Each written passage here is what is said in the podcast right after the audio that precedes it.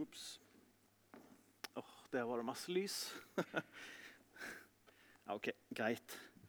Kan ikke gjemme meg heller. Det går ikke. Eh, der er den. Kom igjen, kom igjen. Ja. Sånn. Yes. Eh, må bare få dette til å funke. Det er veldig kleint å stå og gjøre ting mens eh, 50 står og ser på deg. Eh, bare, men jeg kan bare prøve å snakke og gjøre ting mens jeg holder på med dette. gøy å være her. Tusen takk for uh, vårengjøring, skal jeg si. Uh, kjempebra. Nå, da er det i orden. Yes. Det, jeg, jeg prøver liksom alltid når jeg fikser PC, sånn, så skal jeg snakke samtidig, men det, det går aldri. Det, sånn manne, det der tror jeg er sånn mannefenomen. Jeg tror dere damer er bedre på det der. Sånn, én ting om gangen. Ja, veldig rart for meg. Eh, hvem er han duden der? Det er rart for meg å komme her og være en gjest. Det må jeg bare si.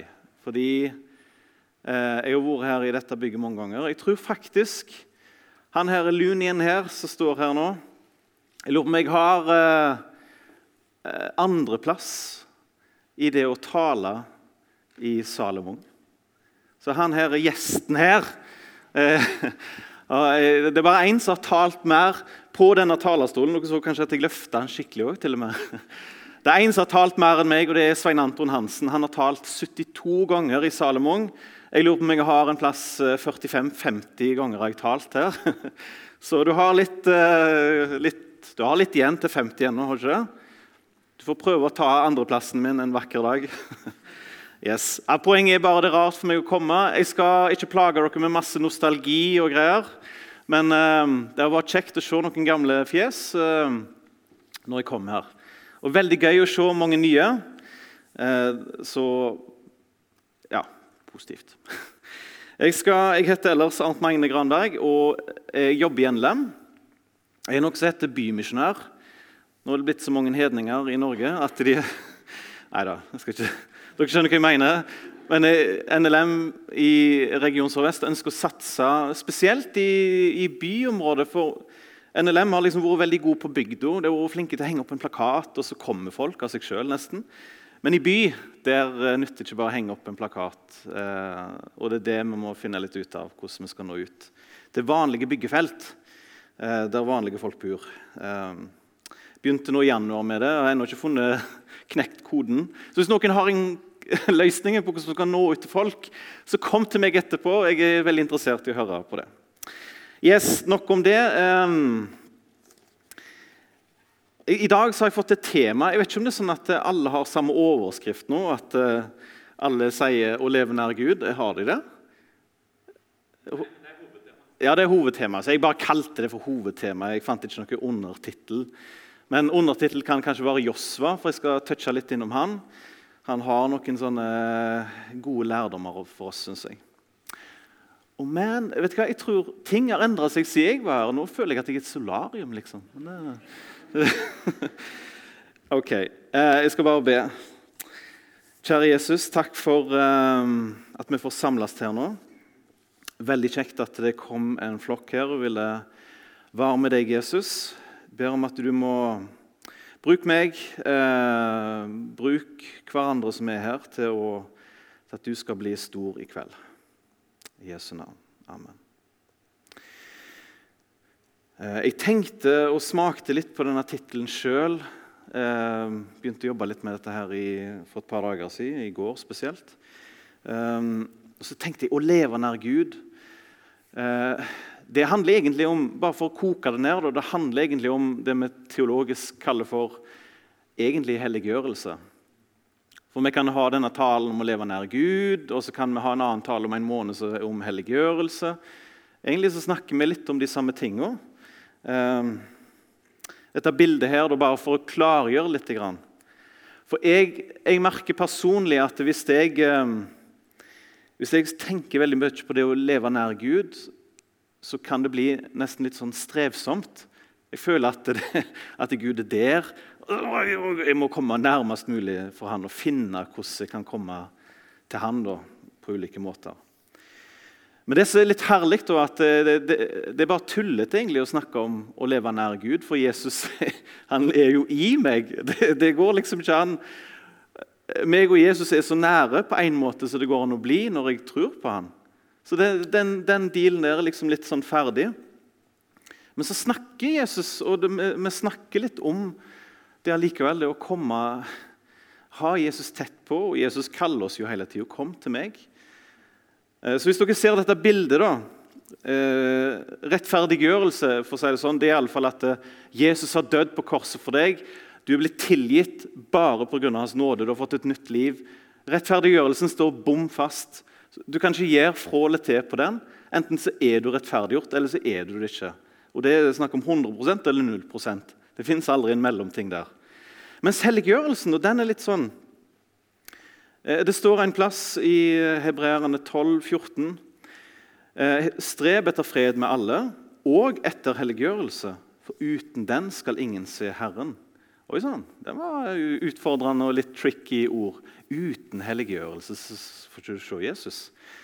Eh, for å bare gjøre det veldig enkelt og, og prøve å forklare det så enkelt som mulig eh, Du er kristen 100% eller 0% men hvor stor andel eller hvor, hvor mye Jesus får ha skikkelse i deg, det kan faktisk variere litt. Og Bibelen snakker om at når du blir nyfrelst, Eh, er det noen nyfrelste her, forresten? Det hadde vært veldig gøy å snakke med deg. Men er du nyfrelst, så sier Bibelen som regel du er som et spedbarn. Og for den personen som har levd en stund i lag med Jesus, så står det i Bibelen blir det kalt for å være en moden kristen. Så du har faktisk en sånn prosess i kristenlivet, og det er det vi kaller for helliggjørelse. Ehm, hvor stor del har Jesus i ditt liv? Og Grunnen til at det står en advarsel her at du uten helliggjørelse så får du ikke se Jesus, eller får du ikke liksom, Hvis du ikke har helliggjørelse i ditt liv, så ender det galt. Det tror jeg handler om hva retning egentlig det går i. Hva er det du egentlig sikter mot og strekker deg imot? For det fins egentlig ingenting som heter en sånn stillstand. Det fins ingenting som er at du kan være en sånn dvale. Enten så går du mot Jesus og følger han, eller så går du vekk ifra han. Det fins liksom ikke en sånn nøytral greie å være kristen. Ja, jeg er kristen. Jeg, bare, jeg sitter sånn helt dønn i ro helt til jeg kommer til himmelen. Det, det, er et liv, det er noe som skjer. Og det er det jeg mener, Derfor jeg tror det står at uten den helliggjørelsen, uten at du er på vei til en plass, så får du ikke se Herren til slutt. Til slutt så vil du faktisk ende med, hvis du går motsatt vei fra Jesus, at du blir en lunken, og til slutt så er det åndelig død som kan vente deg. Jeg holdt i dag en nyfødt baby. Det er jo fantastisk. Det er, jo bare skjønt med en nyfødt unge. Jeg var sikkert bare ti dager gammel, som jeg er onkel til. Og vet du hva foreldrene er opptatt av? Det er jo at denne ungen her må vokse. Jeg har sjøl tre barn, og første ungen jeg fikk, ville ikke vokse. Det var sånn De første to ukene var det vanskelig å få ville ikke ta pupp og ville ikke drikke melk. og alt Det der. Det var bare helt krise. Så vekta gikk nedover. Og vi foreldre bare sånn 'Nei, du har gått ned 100 gram! Ah, ring sykehuset!'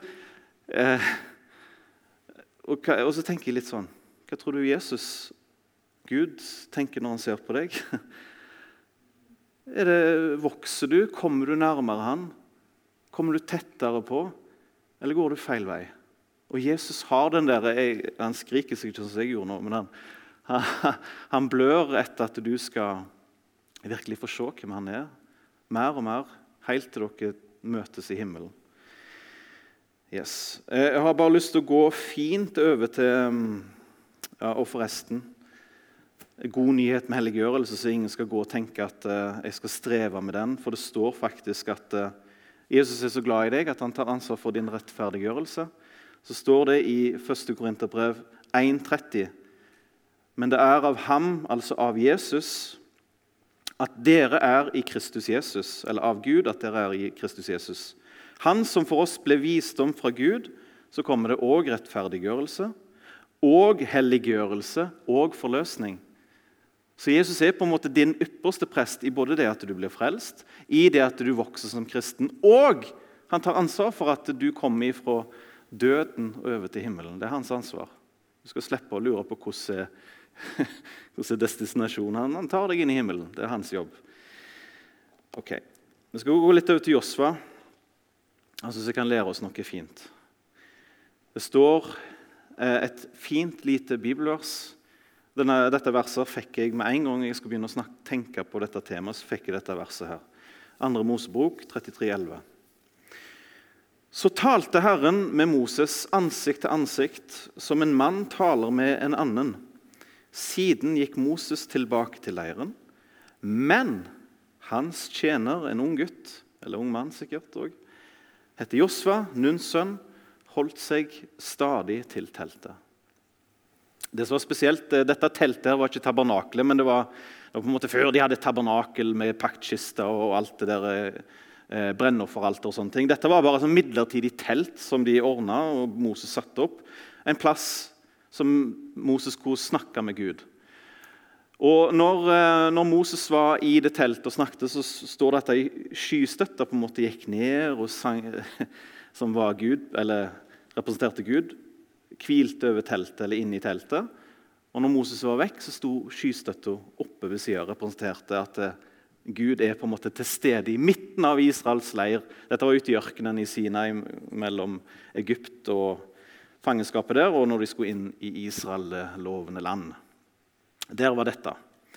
Eh, og så tenker jeg litt Hvorfor var det bare det var halvannen million jøder, israelitter, ute i den ørkenen? Og så ser det ut i min bibel at det var nesten bare Josva som stadig var med det teltet. Jeg, jeg, tenker litt sånn Kult.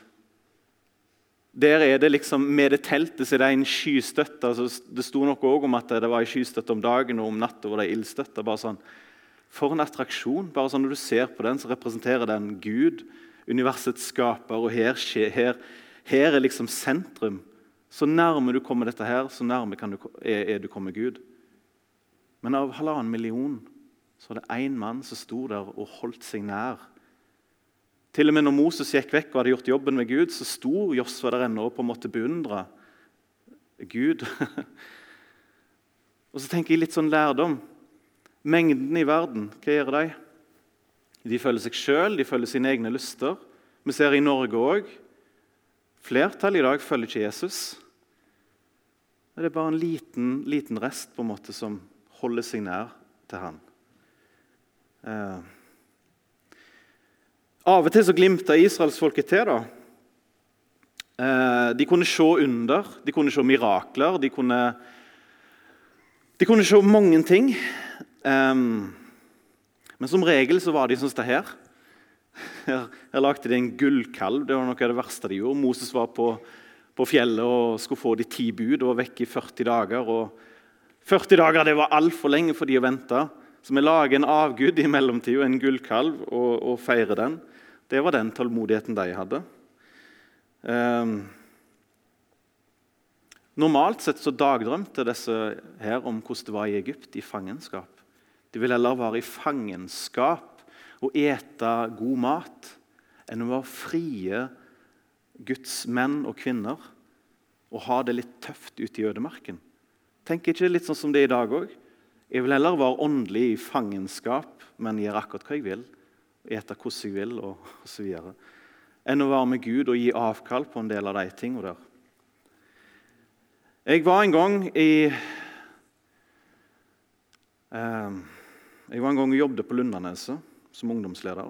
Og Der begynte jeg ifra Jeg var der tre dager i uka. Og Min jobb det var å snakke med 180 elever. Prøve å liksom elge meg innpå dem litt og snakke med dem. For jeg var ikke en lærer, jeg var bare en ungdomsarbeider. Og så var målet å få en samtale med dem om Gud. Og Det var litt sånn strevsomt av og til. Og det kom til et punkt der jeg bare sånn åh, nå, nå, Jeg savner de tidene der jeg bare Jeg bodde på Storhaug en stund, forresten. Da var det sånn, når helga kom, da var det ut og drikke, gjøre hva du ville, kose deg. Eh, det var bare meg sjøl og mine venner og en familie jeg tenkte på. Det var veldig sånn, egentlig litt sånn bekymringsløst liv. Og så tenkte jeg nå, nå driver jeg og strever, skal treffe 180 elever. og liksom, Så kom jeg til det punktet nei, jeg savner litt gamle dager. Gjør akkurat hva jeg vil. Og Da stokk jeg litt. kjente på Dette er jo en fristelse. Det er jo ikke sånn Gud vil at det, Gud vil ikke skal gå tilbake til den tida der. Så Jeg måtte opp på et fjell, for Jesus han pleide å gå på fjell når han hadde store ting å diskutere med, med sin far. Så jeg tenkte jeg går opp på et fjell, jeg, og fant jeg et fjell i Haugesund. Det var der jeg bodde da. Steinsfjellet. Så satt jeg der midt på natta, to timer. Jeg tror det var fra tolv til to eller et eller annet. Bare ba at du må fikse meg nå, for jeg, jeg driver og savner gamle dager. Jeg er lei av tjenesten, jeg er lei av alt dette her nå. Sliten. Så kom det bare en rev plutselig ut av skogen. Og reven gikk bort til meg, bare så på meg. Jeg bare sånn, what? Jeg, jeg glemte å filme han da, eller jeg hadde ikke sånn mobil på den tida. Så, var... så gikk bare reven bort til meg og beit meg i ene foten. så sprang han rundt meg. Jeg satt oppå den steinen der, faktisk. Og Så gikk han opp og beit meg i andre foten. Så tenkte jeg hva er dette her for noe? Og det er helt sant, jeg tuller ikke. Han kom der og beit i føttene mine. Så han litt på meg, så sprang han. Um, Så tenkte jeg er dette en beskjed, Gud? en rev? Jeg hadde jo bedt der i to timer, så når det først skjedde noe sånn, så tenkte jeg øh, ja vel. Så jeg leste jeg Bibelen, da. Så står det faktisk noe om rever i Bibelen. Det står at, øh, at det var noen som ville følge Jesus. Så sa de men du, la meg få først gå og så begrave den, og la meg først bare gå og si farvel til den. og la meg først... Det var en del unnskyldninger de hadde da. Og Jesus bare sier at øh, jeg som menneskesønn jeg har ikke noe hi å hvile i som reven. Jeg, jeg, er en som går og tjener. Det, det er et tøft liv. Og Følger du meg, så blir det tøft for deg òg, men det er verdt det. Det er litt sånn ordrett eh, fritt sitert, men eh, det var litt av budskapet da når jeg bladde opp med rev. Og Det tror jeg er sånn til oss òg. Følger du Jesus, det kommer til å bli tøft. Det blir en kamp. Det er mange ting som du må gi avkall på. Du tilhører ikke lenger deg sjøl, men det er så mye bedre enn det gamle livet, alt det som verden kan by på. Og se her, Gud han er så tålmodig med oss. Han var så tålmodig med Israel og han er tålmodig med oss. så vi kan, Egentlig så kan vi kristne oppsummere også dette, her. dette verset her tror jeg kan stå som overskrift på de aller fleste av oss. Eh, når vi en dag skal ende livet, så kan vi si dette her. Eh, er vi troløse, så er han trofast, for han kan ikke fornekte seg selv. Det er så mange ganger jeg tabber meg ut, faller, gjør ting jeg ikke burde ha gjort, feil prioriteringer. Jeg trodde jeg hadde lært, og så kommer Gud allikevel og ordner opp. Renser meg på ny, tilgir meg på ny og kaller meg inn på sporet igjen. Men hva kan hjelpe oss, da? Hva kan hjelpe oss for å holde oss nær Jesus, for å se ham? Det er jo at han, det handler litt om at i hverdagen så må vi ta valg. For Vi får velge hver dag. Vil jeg åpne Bibelen min nå? Vil jeg be til Han? Vil jeg gå og gjøre opp den teite tingen jeg gjorde mot den og den, og si unnskyld? Vil jeg uh, være med i Vi har valget hele tida. Og Spesielt er det viktig å be til Gud. Det står ei bønn i, Efeserbrevet om at uh, må Gud gi deg, eller gi oss åpenbaringens ånd, så vi kan på en måte få se Han, få se hvem Han er. Og Det er en bønn som du må be Gud åpenbare deg for meg. Vis meg hvem du er. Når Moses, han som var så tett på Gud, han sa sånn midtveis i, i Mosebøkene en plass, så sa han han hadde opplevd så mye med Gud. Så sa han til og med Gud, la meg få bli mer kjent med deg. Han som hadde sett så mye. La meg få bli mer kjent med deg. Og De som blir kjent med Gud, de får oppleve det som Asaf fikk oppleve. Han skrev dette, her, for han ble litt misunnelig på de ikke-kristne eller på de ugudelige. Det gikk helt fint med de, synes han. og De, de hadde ikke Gud engang, og de klarte seg godt i livet. Så ble han litt misunnelig. Så måtte han gå inn i Bibelen inn og se hvordan, hva som egentlig venter oss hvis ikke vi har Gud. Og Til slutt så innså han at han trenger Gud, og det er alt han egentlig trenger. Salme 73, 25 så skriver han Hvem har jeg ellers i himmelen?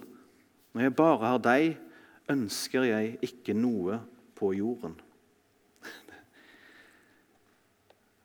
I dag så var naboen ute og bygde en, Hva var det han gjorde for noe? Da han bygde en eller annen sånn utepeis og noen fine benker rundt. og Der skulle familien sitte og grille pølser og sånne ting. Og Jeg så på det, jeg kjenner jo misunnelsen stige litt. At det, kan jeg jo bygge en sånn, mon tru?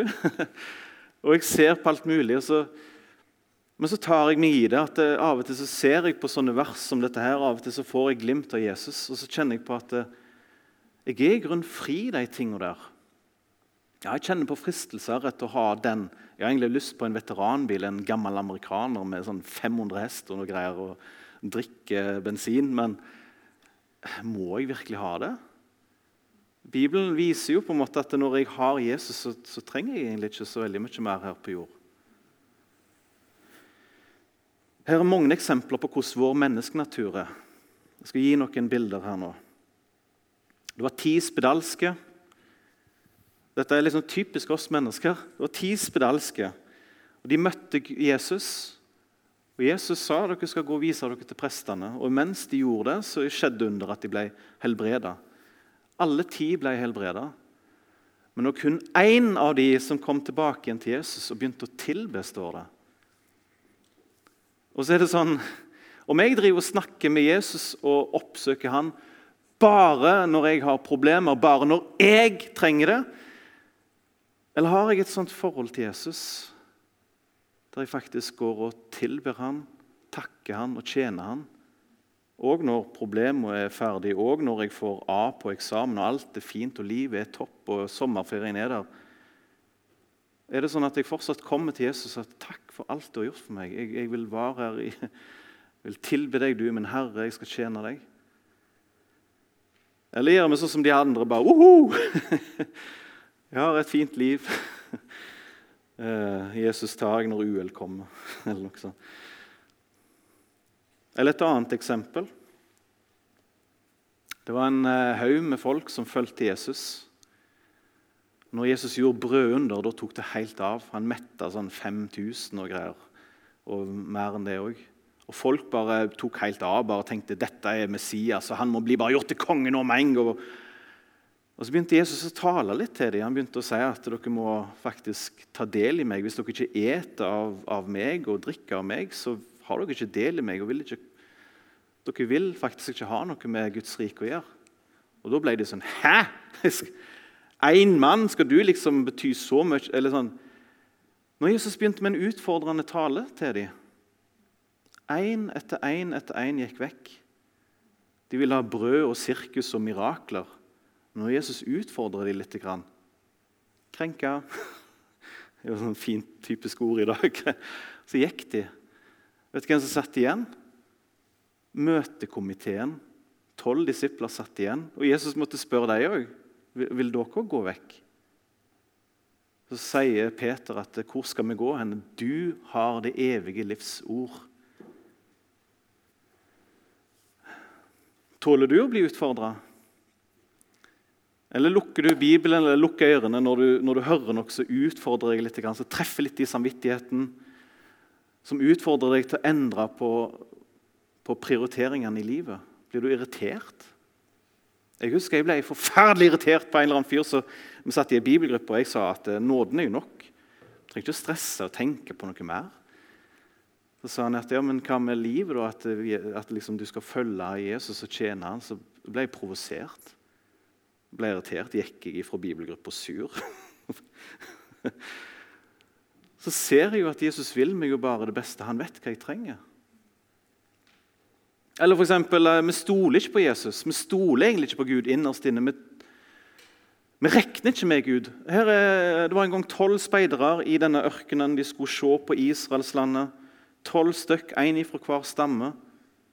Gikk de inn og så, så så de at her var det druer, her var det melk og alt. Det var, det var så mye bra. Men det var en haug med mektige krigere og alle bare tenkte menneskelig sett. De har masse våpen, festninger, borger.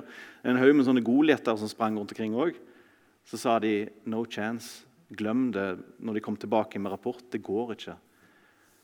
Ti tok tommelen ned. Det var bare to av speiderne Kaleb og Josfa, som tok tommelen opp og sa 'Dette går bra. Vi må regne med Gud. Vi må stole på løftene'. Jeg vet at det er ganske mange som hvis jeg har samtaler og sjelesorg, og litt sånne ting, så det går litt igjen det der med å faktisk stole på Folk klarer ikke helt å stole på Jesus. Kan han gjøre noe i mitt liv? Kan han egentlig forandre noe på meg? Kan han egentlig hjelpe meg? Folk innerst inne sliter litt med disse tingene. og det, Sånn ser vi i Bibelen er helt normalt. Det handler om å kaste seg litt over og bare Jeg gir deg en sjanse her nå, Jesus. Josfa han er et enormt forbilde. Når de skulle gå inn i dette landet, da, Josfa var en av de få som stolte på Gud. og De, de gikk jo i Jeriko rundt der. Så står det at ved tro falt Jerikos murer der folket hadde gått omkring dem i sju dager. Det var litt av en opplevelse. og Gikk jo bare rundt omkring der med ei paktkiste og noen trompeter. Hva skulle nå det hjelpe? Men murene falt. Og så er det sånn OK, skal Gud nå inn til deg? Hvis Gud skal nå inn til deg, så Jeg syns det hadde vært mer behagelig hvis jeg kunne bare sitte her og så Mens talen pågikk, så bare skjedde Det skjer det jo faktisk av og til. Men at, at det bare magisk skal bare ordne seg med deg. At ditt kalde hjerte skal bare bli varmt av seg sjøl. Og alle dine synder sier poff. Og alle dine problemer med relasjoner og, og, og sjølbilde og følelser alt bare skal ordne seg sånn mens du sitter. Og så har jeg funnet ut at Av og til så skjer det faktisk at Gud bare griper inn og gjør ting i mitt liv når jeg sitter sånn. Men min erfaring er at Gud er her inne gjennom andre kristne.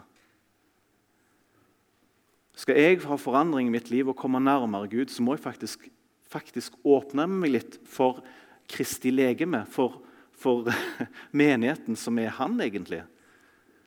Her er en min mentor og sjelesorger. Jeg er så glad for at jeg fikk bruke mange år med Gunnar Elstad. Nå er han død, og fred over hans minne. Men han klarte å trykke på de knappene hos meg som var verst.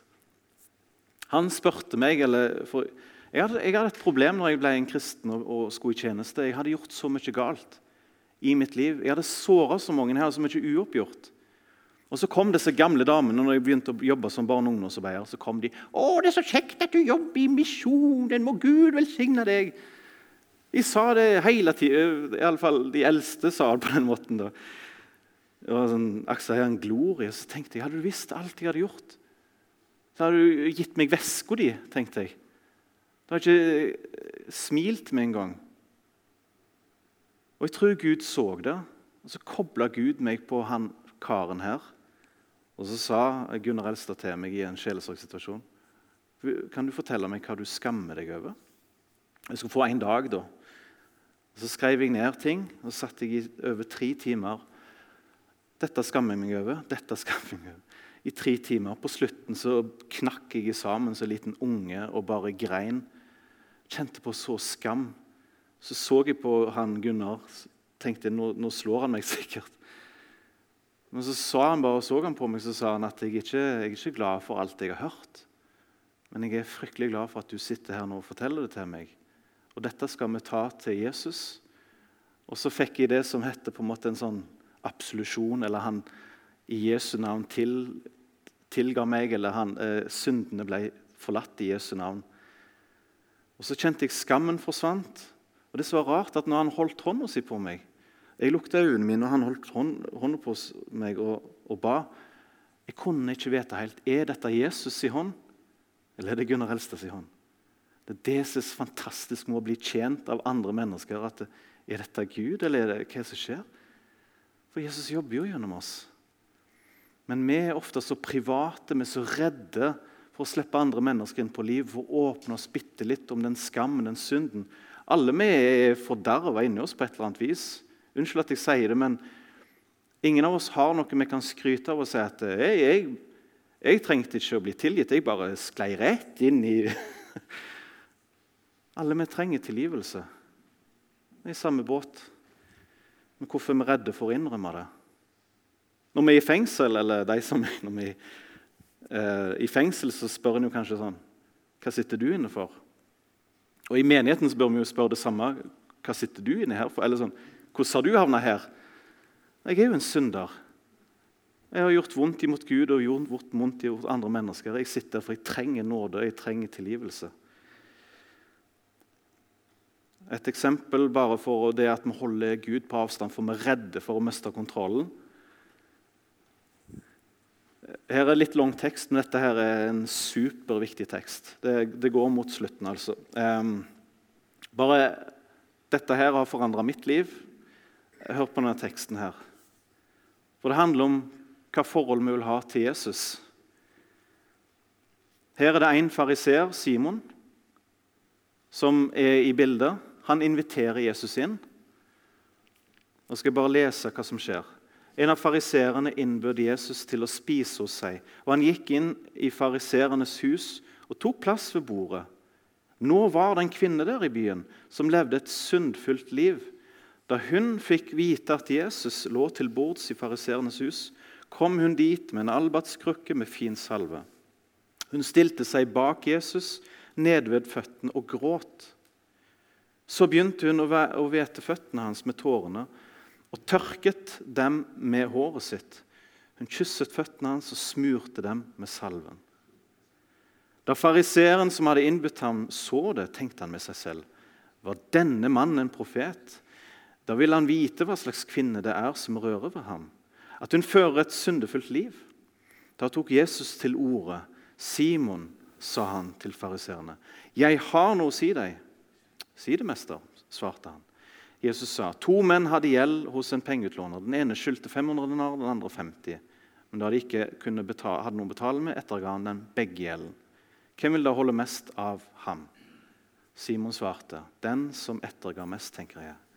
Du har rett, sa Jesus.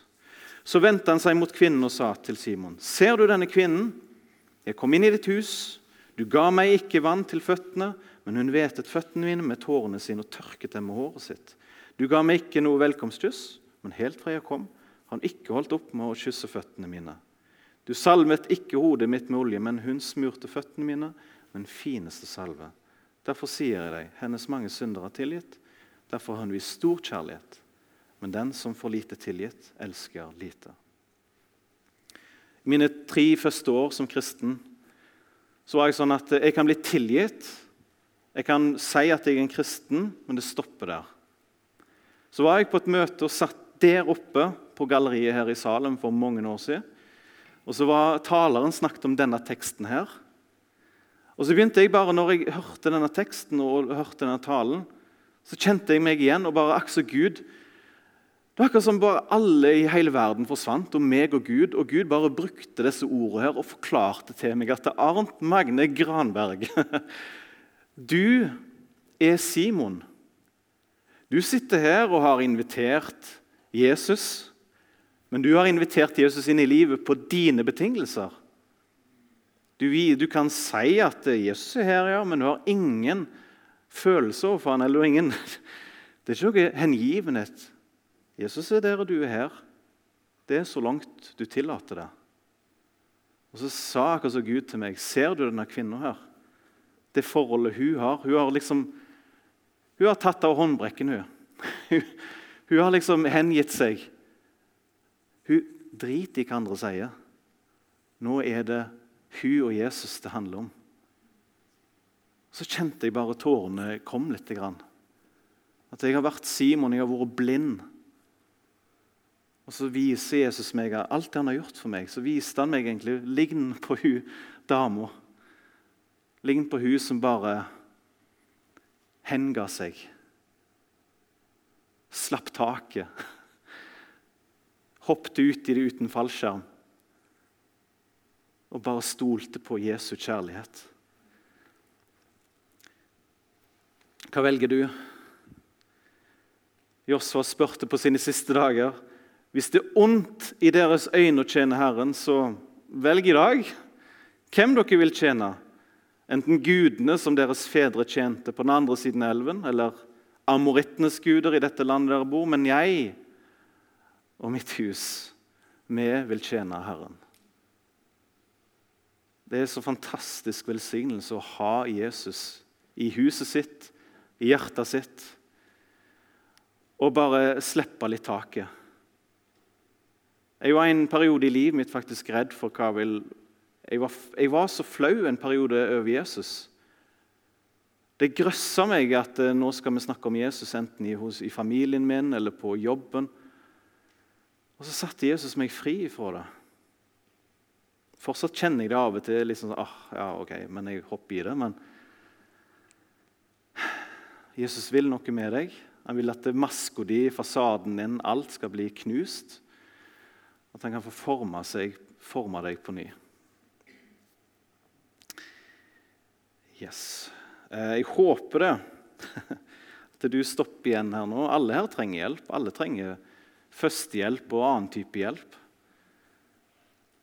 Jeg håper at du kan be med vennen din i dag. Ta imot nattverd, få tilgivelse der på ny. Begynne på ny der. Gå til forbønn. Snakke i lag. Og er du, er du her som er moden og klar for å tjene, så bruk tid litt i dag og snakk om hvordan vi skal nå ut. Ehm, den verden der ute som ikke kjenner Jesus. Skal vi be. Oh, kjære Jesus, vi, vi, trenger at du i alle fall kjenner jeg for min del at du knuser meg. At du renser meg, og at du begynner på ny med meg, Herre.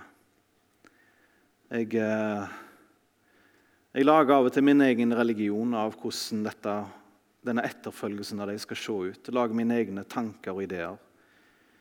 Men Jesus, la meg få se på deg og på ditt ord og følge deg uten å stille krav og betingelser, men bare